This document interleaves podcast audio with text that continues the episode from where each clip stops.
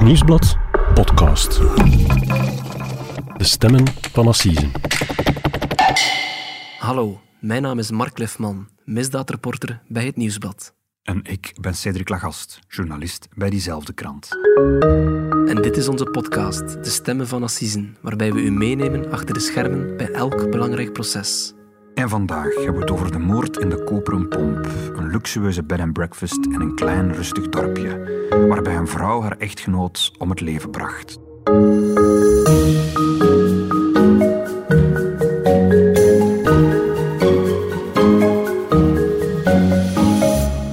Dag Mark. Dag Cedric.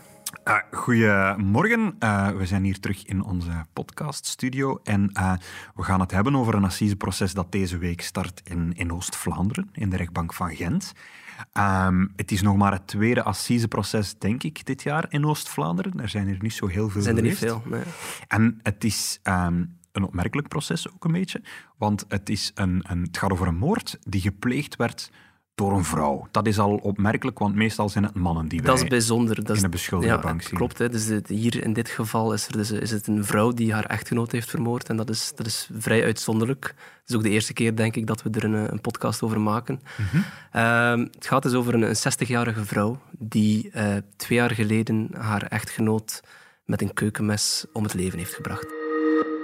B&B de koperen pomp in de Zottegemse deelgemeente Sint-Maria-Oudenhoven, midden in de Vlaamse Ardennen. In dit huis, dat naast een pittoreske vakantieverblijf met paardenstallen staat, wordt gisteravond om 11 uur het dode lichaam van een 61-jarige man gevonden. Het gaat om de uitbater van de B&B. Hoe de man om het leven is gebracht is niet duidelijk, maar de omstandigheden zijn verdacht. Alles wijst op moord. Mark, we worden hier eh, een fragment van TV Oost. Ehm, het is dus een moord in een bed and breakfast in, op een winteravond twee jaar geleden.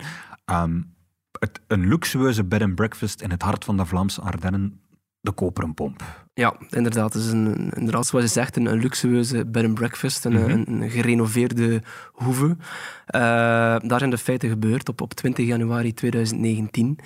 Eh, Ik ben eens gaan opzoeken of er op, in onze krantenarchieven of daar nog iets meer over te vinden was, over die koperen pomp. En eh, blijkt inderdaad dat ze een jaar of tien geleden eh, hebben ze nog de, de regionale krant bij ons gehaald, de uitbaters, eh, met de opening van hun vier sterren bed and breakfast. En ik lees even voor, even voor wat ze daarover zeiden. Ze zeiden van ja, onze bed and breakfast is eh, ideaal voor wie de Vlaamse Ardennen per fiets of per paard eh wilt ontdekken. Ja. En dat was Christel Troffaas die dat zei. Dat was de, de uitbaatster van de, van de B&B. Uh-huh. En ehm, zij vertelde toen in de krant dat ze de zaak uitbaatte met haar man Dirk Zegers, maar ook hun eh 19-jarige dochter Silke, die zat in de zaak. Maar zij was enorm gepassioneerd door paarden. Ze hadden daar ook paarden. En ehm, ja, zij, zij zorgde dus ook mee voor de gasten. Dat klinkt als een, als een solide onderneming. Hè. Een goed draaiende bed and breakfast. Een gezin dat, dat, dat flink zijn best doet. Absoluut, eh, dat ja. gelukkig is. Ehm, wat kan er mislopen, denk ik dan? Maar ja, dat is inderdaad zo, dat lijkt inderdaad zo. Ehm, maar die bewuste avond, eh, rond een uur of elf s'avonds, kwam er bij de hulpdiensten eh, een telefoontje binnen. Ehm, het was de dochter, het was Silke, die belde naar de hulpdiensten. Die zei van, ja, er moet snel een ambulance komen. Eh, er is iets gebeurd met mijn papa. Ehm, dus de info die de hulpdiensten kregen was eigenlijk heel sumier. Eh, ze zeiden, ja, het klonk enkel van, ja, gevallen, vader is gevallen, eh, een man van 65... eh, bloed op de grond, Ja, dus de hulpdiensten gaan naar, naar Sint-Maria-Oudenhoven omdat ze denken dat er een, een, een man gevallen is van de trap of zo, ik weet het niet. En, en, maar dat is niet wat ze daar aantreffen. Nee, dus ze zijn eigenlijk heel snel ter plaatse. Ze gaan binnen in de bed and breakfast. ehm, en ze zien daar eigenlijk, dat was wel opvallend, ze zien daar eh, de uitbaatster, Christel. Hè, de meeste mensen noemen haar Chris trouwens. Eh, ze zien haar daar in de zetel zitten. Ze ziet er eigenlijk heel, ja, een beetje apathisch reageert. Ze ziet er wat leeg uit. Ze is niet in paniek of zo. Nee, nee, nee. Er, er komt gewoon weinig reactie uit. Ehm, ze gaan verder in de woning en dan eh, in de woonkamer zien ze naast, het li- naast, naast de zetel zien ze het lichaam van eh, Dirk Segers liggen. Ehm, er is bloed op de grond.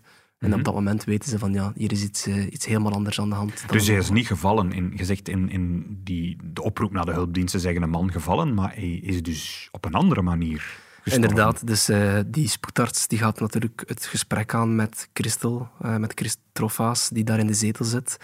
En eigenlijk al vrij snel bekent die vrouw van ja, kijk, ik heb een man vermoord. Ja. Oké. En weten we ook hoe ze haar man vermoord heeft? Ze heeft daar eigenlijk dan ook wel vrij snel uh, ook uh, zaken over verklaard aan die hulpdiensten. Ze heeft dan gezegd van kijk, ja, mijn man, het ging niet meer. Um, ik... Um, Um, mijn man is ziek um, en, en ik, ben, um, ik ben naar de keuken gestapt. Ik heb een, ik heb een mes genomen, een slagersmes. Mm -hmm. en ik heb hem verschillende messteken gegeven. Nadien heb ik, de, heb ik het, het mes terug afgewassen uh, in de keuken en terug in de kast verstopt. Ik blijf het raar vinden dat er dan in dat eerste telefoontje naar de hulpdiensten gezegd wordt dat hij gevallen was, dat het om een, om een ongeval gaat. En het, is ook de dokter uiteindelijk die gebeld heeft. Inderdaad. En, en, niet de vrouw zelf. Nee, en dat is ook wel opmerkelijk, want uiteindelijk heeft het nog, ja, ik denk een half uur tot een uur geduurd vooraleer de dochter naar de hulpdiensten eh, heeft gebeld. Dat is pas gebeurd nadat de moeder in de slaapkamer is binnengegaan eh, bij de dochter om te zeggen van kijk, ik heb je papa vermoord, bel de hulpdiensten.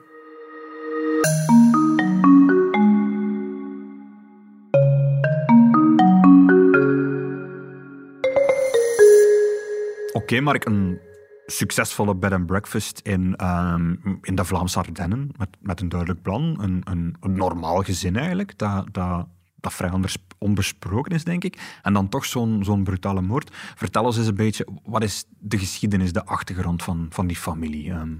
Wel, het is zoals je zegt, dat was eigenlijk een heel normaal, normaal gezin, niets, niets vreemds op aan te merken. Mm -hmm. Dirk Segers, die uh, die had lange tijd een, hoge functie uh, binnen de Gentse haven, binnen, binnen een bedrijf in de Gentse haven. Okay. Uh, die verdiende ook goed zijn brood.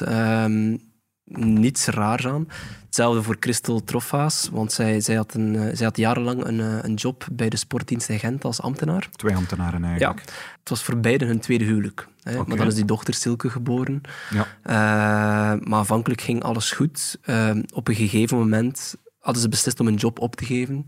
En wilden ze eigenlijk een droom waarmaken. En dat was dan die, uh, die succesvolle een bed and breakfast, bed and breakfast starten. Voilà. Zoals wel veel koppels in Vlaanderen uh, doen. Hè. Ik denk dat daar zelf tv-programma's over bestaan. Over mensen ja, die absoluut. hun leven opgeven en dan ergens anders in Europa bijvoorbeeld een bed and breakfast openen. Dus voilà, ja. niet zo'n gekke droom. Het was vooral de droom van, uh, van Christel Troffaas. Okay. Uh, maar goed, uh, Dirk Segers ging daar helemaal in mee, dus hij gaf zijn job op. Mm -hmm. Nu, ze, wilden, ze, ze mikten vooral op een, op een publiek van ruiters, hè, want ze waren heel erg met die paarden bezig. En dat kwam vooral door, door Silke, door de dochter die enorm gefascineerd was door paarden. Mm -hmm. En dus de eerste bed and breakfast was in, in Brakel. Maar ah, dan, ze hadden eerst een andere bed and ja, breakfast. maar ook okay. onder de naam De Koperen Pomp. Maar dan in 2017 zijn ze verhuisd naar Zottegem, naar Sint-Maria-Oudenhoven. Waar... Ja, waarom noemen ze een bed and breakfast eigenlijk de koperen pomp?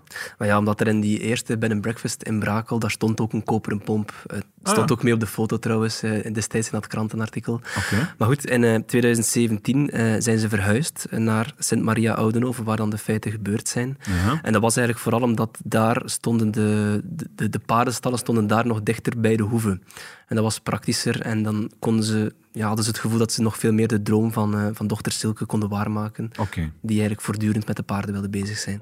Dus ze kiezen ervoor als gezin om met hun drieën die bed and breakfast samen uit te baten.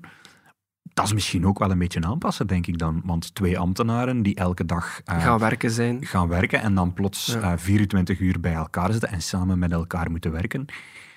Ik denk dat je misschien dan ook wel wat, wat wrijvingen krijgt die Ja, er anders plots, niet waren. plots zijn ze heel erg op, op elkaar aangewezen natuurlijk. Ehm, nu, wat we weten is dat ehm, familie en vrienden die omschrijven eh, Dirk Segers als een, als een ruwe bolster met een uh, peperkoeken hart. Mhm. Waarmee ze wel willen zeggen van kijk, ja, het is, hij kon wel best hard zijn. Ehm, zijn wil was wet. Maar tegelijkertijd zorgde hij er, ja, hij zorgde er ook wel altijd voor dat eh, dochter Silke nooit iets tekort kwam. Oké. En, en zijn vrouw? Aanvankelijk zat dat huwelijk wel oké, denk ik. Uh, maar dat blijkt dus wel uit de verklaring achteraf. Uh, Dirk Segers die had een alcoholprobleem en dat, dat valt niet te ontkennen. Het misbruik zeg maar, van het alcohol heeft het hele het huwelijk geen goed gedaan. Mhm. Een paar jaar geleden is hij dan ook nog ziek geworden. Hij had een, een chronische longziekte opgelopen. Um, toen is hij even gestopt met drinken, maar nadien is het eigenlijk ja, van kwaad naar erger gegaan. Hij is steeds meer beginnen drinken en dan is het eigenlijk ja, helemaal ontspoord. Mark, je zegt dat zijn alcoholprobleem een groot probleem werd. Ik kan me dat wel inbeelden als je samen een, een bedrijf probeert te runnen, een, een bed and breakfast probeert uit te baten, dat dat problematisch wordt.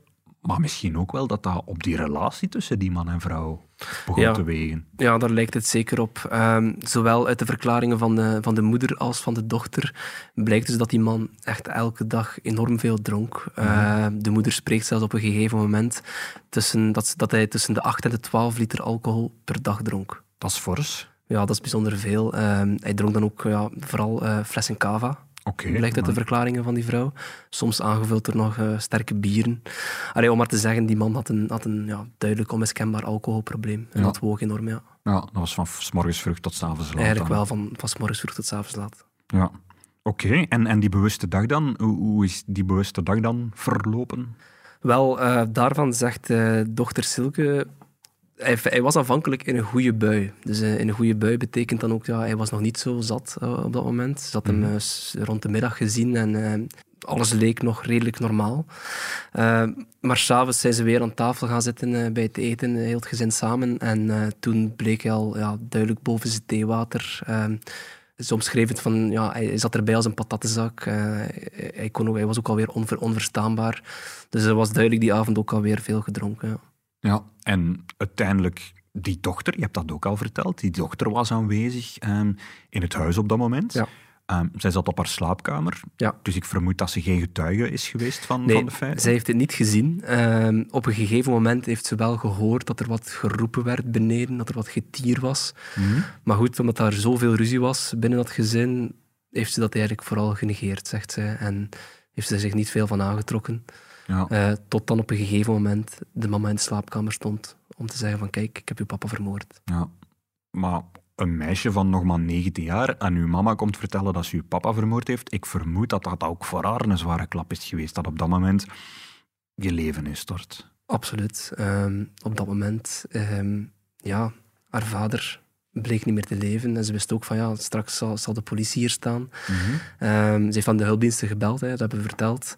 En dan is zij, nog voor de politie er was, is zij naar de paardenstallen gelopen. En ja, ik vermoed wel in shock ook. En, en dan heeft ze daar, zegt ze zelf, ja, een beetje gaan afkoelen, omdat ze op dat moment eh, bijzonder kwaad was op haar moeder. En het is dus daar in die paardenstallen dat, ze haar, dat de politie haar vindt. Ja, nee, niet helemaal. Dus eh, ze is daar een tijdje geweest. Maar dan, als de politie aangekomen was, is ze, is ze wel meteen terug naar de woning gelopen en heeft ze zich dan ja, aangeboden bij de politie, zoals dat heet. Oké. Eh, wel opvallend daarbij, de politie heeft haar wel meteen ook ja, opgepakt of gearresteerd eigenlijk. Want ja, op dat moment konden ze nog niet uitsluiten of zij er niets mee te maken had. Ze werd ook als een potentiële verdachte beschouwd. Nou ja, we vertelden het, hè. er kwam een telefoontje binnen bij de hulpdiensten dat, hij, dat eigenlijk aanvankelijk op een ongeval leek misschien.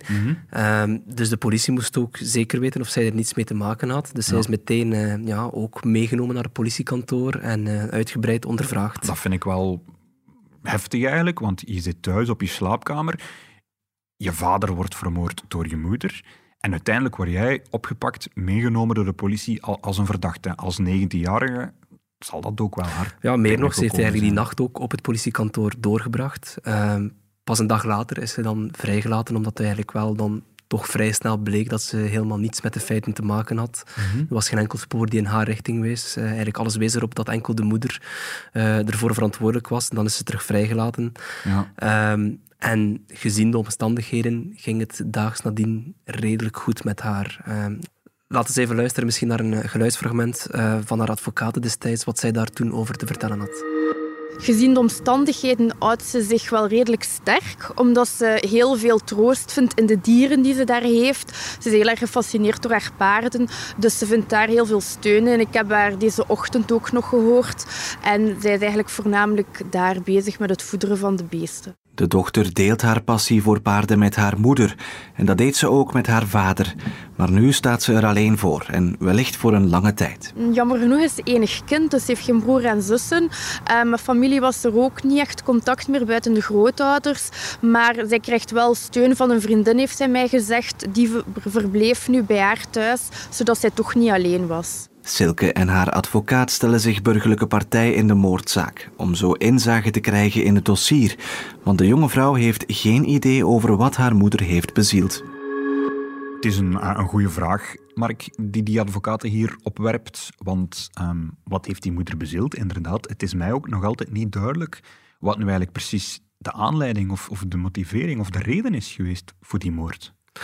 Nee, inderdaad. Dus, maar zij zegt daarover, kijk, het was gewoon onhoudbaar geworden om, om met hem samen te leven. Ze leerde haar man kennen als een, als een charmante man, eh, afhankelijk in het huwelijk. Mhm. Maar toen dat alcoholprobleem steeds erger werd, eh, zijn bij haar ja, de stoppen doorgeslagen. Ja, want hij werd... Hij was vooral ja, heel verbaal agressief tegen haar. Mhm. Ehm, tegelijkertijd, ehm, zij dronk ook veel volgens de verklaring van de dochter. Ja. Niet in dezelfde mate als de vader. Ehm, en zij kon ook soms agressief terugreageren ten opzichte van hem. Ehm, er werd al eens een, een klap uitgedeeld, eh, heeft ze ook toegegeven. Maar goed, die situatie is compleet ontspoord. Het werd steeds erger. En op een gegeven moment is het dan ja, helemaal uit de hand gelopen. En wat is er dan precies die avond precies gebeurd? Hoe heeft, hoe heeft die avond zich... Wel, die, bewuste, die bewuste avond, zo heeft tenminste heeft de moeder het verklaard aan de politie. Ehm, op een gegeven moment zat hij in de zetel en was hij eruit, was, of, of op een stoel en was hij eraf gevallen. Ehm heeft toen geroepen van ja, je moet me komen helpen. Ze is er naartoe gegaan, geprobeerd om terug recht te helpen. Dat is dan niet gelukt. Ik vermoed dat er dan weer een en ander geroepen is. En op dat moment is er iets ja, geknapt in haar hoofd, zegt ze. En, en is ze naar de keuken gelopen, eh, nam ze dat slagersmes uit de lade en heeft ze hem twee messteken gegeven. Nadien is ze dan terug naar de keuken gelopen om eh, het mes af te wassen en terug in de lade te verstoppen. Ja, dat vind ik wel opmerkelijk, dat ze dat mes terug, terug afspoelt, afwast en, en verstopt. En ook dat ze niet onmiddellijk naar de hulpdiensten belt. Dus dat wijst er toch ook een beetje op dat ze, dat ze er misschien wel mee wilde wegkomen. Dat ze... Dat ze Goh, wat ze daarover zegt is eigenlijk, ja, kijk, ik ben terug naar de keuken gelopen, ik heb het eh, terug in de lade verstopt, omdat ik, ja, eh, omdat ik dan dacht dat hij misschien niet zou doorhebben dat het van mij was. Ehm, wat een beetje een rare, ja, rare stelling is. Eh, wil dat dan zeggen van, ja, misschien eh hoopte ze dat hij het wel ging overleven. Dat kan zijn dat ze dat bedoelt. Ehm, dat zullen we natuurlijk van haar moeten horen op het assiseproces. Ja. Ehm, maar dat roept wel ja, een aantal vragen op natuurlijk.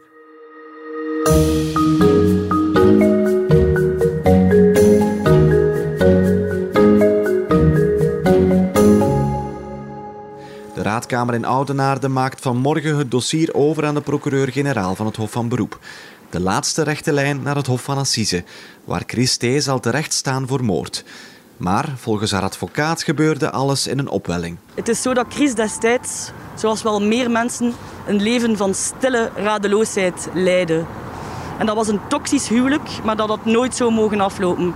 Zij heeft daar zeer veel spijt van en zij vergiet vele tranen in de gevangenis. Ze leefde onder een soort terreur, zeg maar, van haar echtgenoot. Ik denk dat dat het juiste woord is, ja. Ik denk dat we dat woord mogen gebruiken. Mark hoorde hier in, in het fragment van TV Joost de advocate van, van de moeder. Eh, dat is Nina van Eekhout. En ehm, ze zegt eigenlijk, als ik het goed begrijp, het is, het is in een opwelling gebeurd en het, het is in een reactie op, op, op, op het feit dat ze geterroriseerd werd door haar man. Je voelt al een beetje wat de, de verdedigingsstrategie zal zijn op het assiseproces, denk ik. Ja, dat, dat is misschien wat het interessantste wat ze zegt. Hè. Ze zegt eigenlijk letterlijk van ja, die man zorgde voor een soort ja, psychische terreur binnen dat huwelijk. Nu goed, eh Christel Troffaas die wordt eh, beschuldigd van moord. Hè. We weten dat is met voorbedachte raden, daar gaat het parket van uit. Eh, dus volgens het parket had ze wel degelijk het plan opgevat om haar, om haar man ja, om het, ja, moedwillig om het leven te brengen. Ja. Eh, maar goed, het, eh, het lijkt wel duidelijk dat, eh, dat de verdediging die kwalificatie op een of andere manier zal, zal aanvechten op het proces. Dat ze zullen zeggen, er, er was geen voorbedachtheid en in dat geval gaat het om, om doodslag. Om doodslag, ja. Ja, daar staan lichtere straffen op, voor alle duidelijkheid. Dat is, een, dat is de reden waarom Dat is dan ze 30 jaar maximum in plaats van levenslang. Dat is natuurlijk een, een groot verschil. Ja, maar goed, het kan natuurlijk zijn dat ze naar andere dingen gaan pleiten ook. Ja. we zullen zien. Dat lijkt er misschien ook een beetje op te wijzen, Mark, dat de verdediging op het proces over uitlokking gaat beginnen. En eh, twee podcasts geleden, in ons gesprek met Jan de Man, heeft het ook even over uitlokking gegaan. Ehm, strafpleiters halen uitlokking wel, wel vaker voor op assiseprocessen. Dat wil zeggen dat het slachtoffer de moord eigenlijk heeft uitgelokt. En dat is belangrijk, want als de jury dat aanvaardt dat de moord werd uitgelokt, riskeer je eigenlijk nog maximum vijf jaar cel. Ehm voilà. Dat Nee, absoluut. Nu, we zullen moeten zien wat, wat, wat op dit proces zal gepleit worden. Maar ik herinner mij ook wel nog een, een zaak. Eh, ik ben ooit eens op het appartement thuis geweest van, eh, bij een vrouw. Eh, die heette Chantal. En die heeft lang geleden... ehm zij was samen met, met haar man. En haar man had daar eigenlijk jarenlang echt fysiek en, en verbaal vernederd. Mhm. Eh, ze kreeg meer slaag dan eten. Eh, ze moest soms als, als straf in de beerput gaan zitten, oh, om maar te zeggen. Dat was eigenlijk eh, extreme vernedering. Ja. Op een gegeven moment dreigde hij er ook mee hun babytje in het kanaal te gooien. En toen was er iets geknapt in haar. Eh, toen heeft ze het plan opgevat om haar man om het leven te brengen. Mhm. Ze heeft toen eh, een slaapmiddel in, in, in zijn spinazie gedraaid. Ja. Ehm, en man- die man is in slaap gegaan en had dan ondertussen een cafévriend zo ver gekregen om dan met een hakbijl toe te slaan. Dus die man is vermoord. Dat is heftig. Dat lijkt me als een zaak die ook voor Assisen is Dat lijkt een klassieke assisezaak met een volksjury, maar dat was niet zo. Waarom? Dat weet ik niet helemaal. Was het dan omdat men misschien bang was dat men het fameuze artikel 71, hè, de onweerstaanbare dwang, hè, zoals dat dan heet, zou pleiten? Eh, Die zaak is niet voor Die is uiteindelijk niet voor Assise gekomen, wel voor de correctionele rechtbank en later ook voor het Hof van Beroep. Mhm. Ehm, de advocaat van die vrouw was Sven Marie en die heeft toen de uitlokking gepleit. Mhm. En uiteindelijk heeft die vrouw ehm, slechts drie jaar met uitstel gekregen. Amai. En Dus dus die uitlokking is aanvaard, Die uitlokking is aanvaard. En omdat vrouw- hij ermee gedreigd had om het kindje in het water te Ja, en gooien. omdat hij haar zo lang eh, vernederd eh, had, omdat hij eigenlijk echt zo'n tiran was. Ja. Ehm, en die vrouw heeft dan eigenlijk onmiddellijk een nieuw leven kunnen starten. Mark, even terug naar ehm, de moord in de Koperen Pomp. Ehm, het is een ander dossier natuurlijk, dus we kunnen niet zeggen... We weten natuurlijk niet wat die advocaten straks op het Hof van Assise zullen pleiten. We kunnen ook niet zeggen dat dat twee vergelijkbare zaken zijn. Nee. Maar, maar toch, het ziet er toch naar uit dat het in de Assisezaal vooral over ehm, de relatie tussen dader en slachtoffer zal gaan en ook over het, het alcoholmisbruik en het, en het gedrag van, eh, van Dirk. Zegers. Je je hebt al verteld dat eh, Nina van Eekhout eh, haar advocaat is. Die kennen we uiteraard. Want Zeer ervaren advocaat, hè. Ehm, dochter van de bekende assisepleiter Piet van Eekhout. ja. Ik denk toch ook wel een veertigtal assisezaken op de teller. Ehm, onlangs zag ik haar nog bezig in Brugge met, die, met, die, met dat verkeersongeval dat, dat uiteindelijk een moord werd voor het van Moord op. Sharon. De moord op Sharon, eh, waar ze ook een, ja, een sterk pleidooi gaf. Eh, ze gaat de zaak samen doen met Raan Koolman, dat is ook een, eh, een advocaat aan de Gentse Balie. Eh, die heeft een zestal, zestal assisezaken op de teller. Van welke zaak kunnen we hem kennen? Wel, hij trad onder meer op in de, in de assisezaak tegen eh, de diaken des doods, hè, zoals we hem vroeger noemden, eh, Ivo Poppe. Ja, Eh, in West-Vlaanderen was In. West-Vlaanderen, maar ook in Gent onlangs. dat was een zaak die jij nog gevolgd hebt, denk ik. waarbij een vrouw terecht stond, een vrouw uit de Rondse, omdat ze haar zus en moeder gefolterd had. Ja, inderdaad. Ja, dat klopt. En wie zijn de andere advocaten in het dossier? Wel, dus we hoorden het al, hè, dus dochter Silke heeft zich ook burgerlijke partij gesteld. eh, en zij wordt eh, bijgestaan door advocaat Lieven de Pessemier, een advocaat uit uh, Oudenaarde. Oké. En heeft de dochter eigenlijk nog contact met haar moeder? Want haar moeder heeft haar vader gedood, heeft, heeft, heeft iets vreselijks Ja, dat zal een beetje moeten blijken. Nu, ik hoorde wel waaien dat ze terug contact zouden hebben. Dus ik weet niet of ze, dan, of dat, ja, of ze echt bezoekt in de gevangenis. Dat weet ik niet, dat zal moeten blijken. Ehm, zij zal ook komen getuigen, dus dat zal, eh, dat we gaan dat allemaal horen op het proces. Ehm, nu, ik, ik verneem wel dat het, het gezien de omstandigheden wel nog steeds oké met haar gaat. Ehm, ze, heeft een, ze heeft een relatie en ze zou ondertussen denk ik ook eh, mama geworden zijn.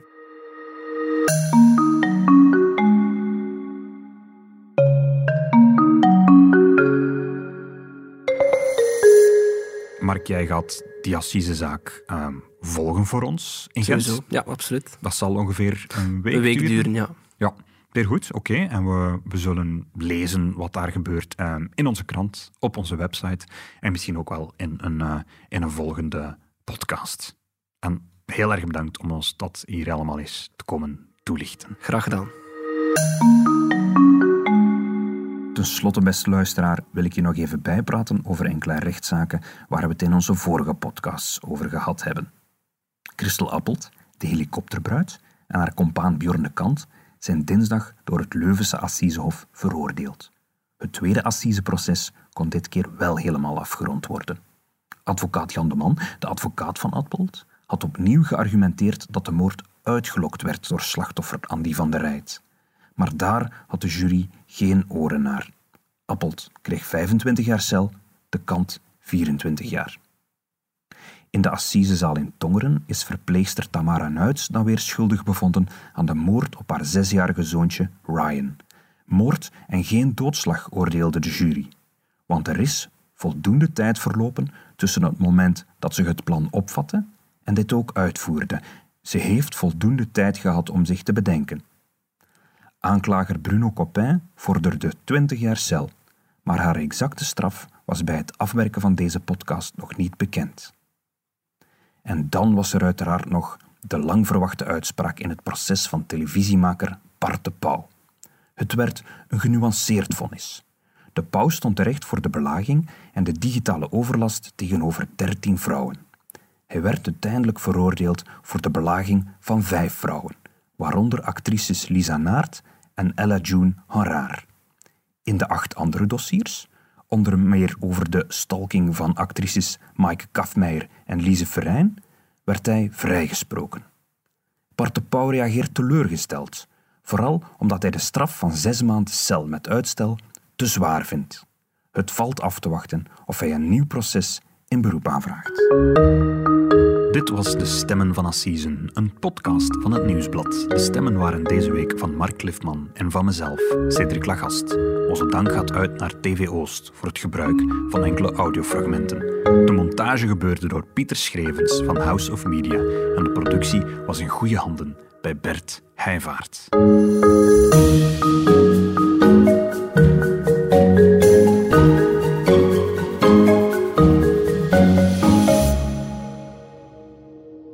Heb je de andere podcasts van het Nieuwsblad al ontdekt?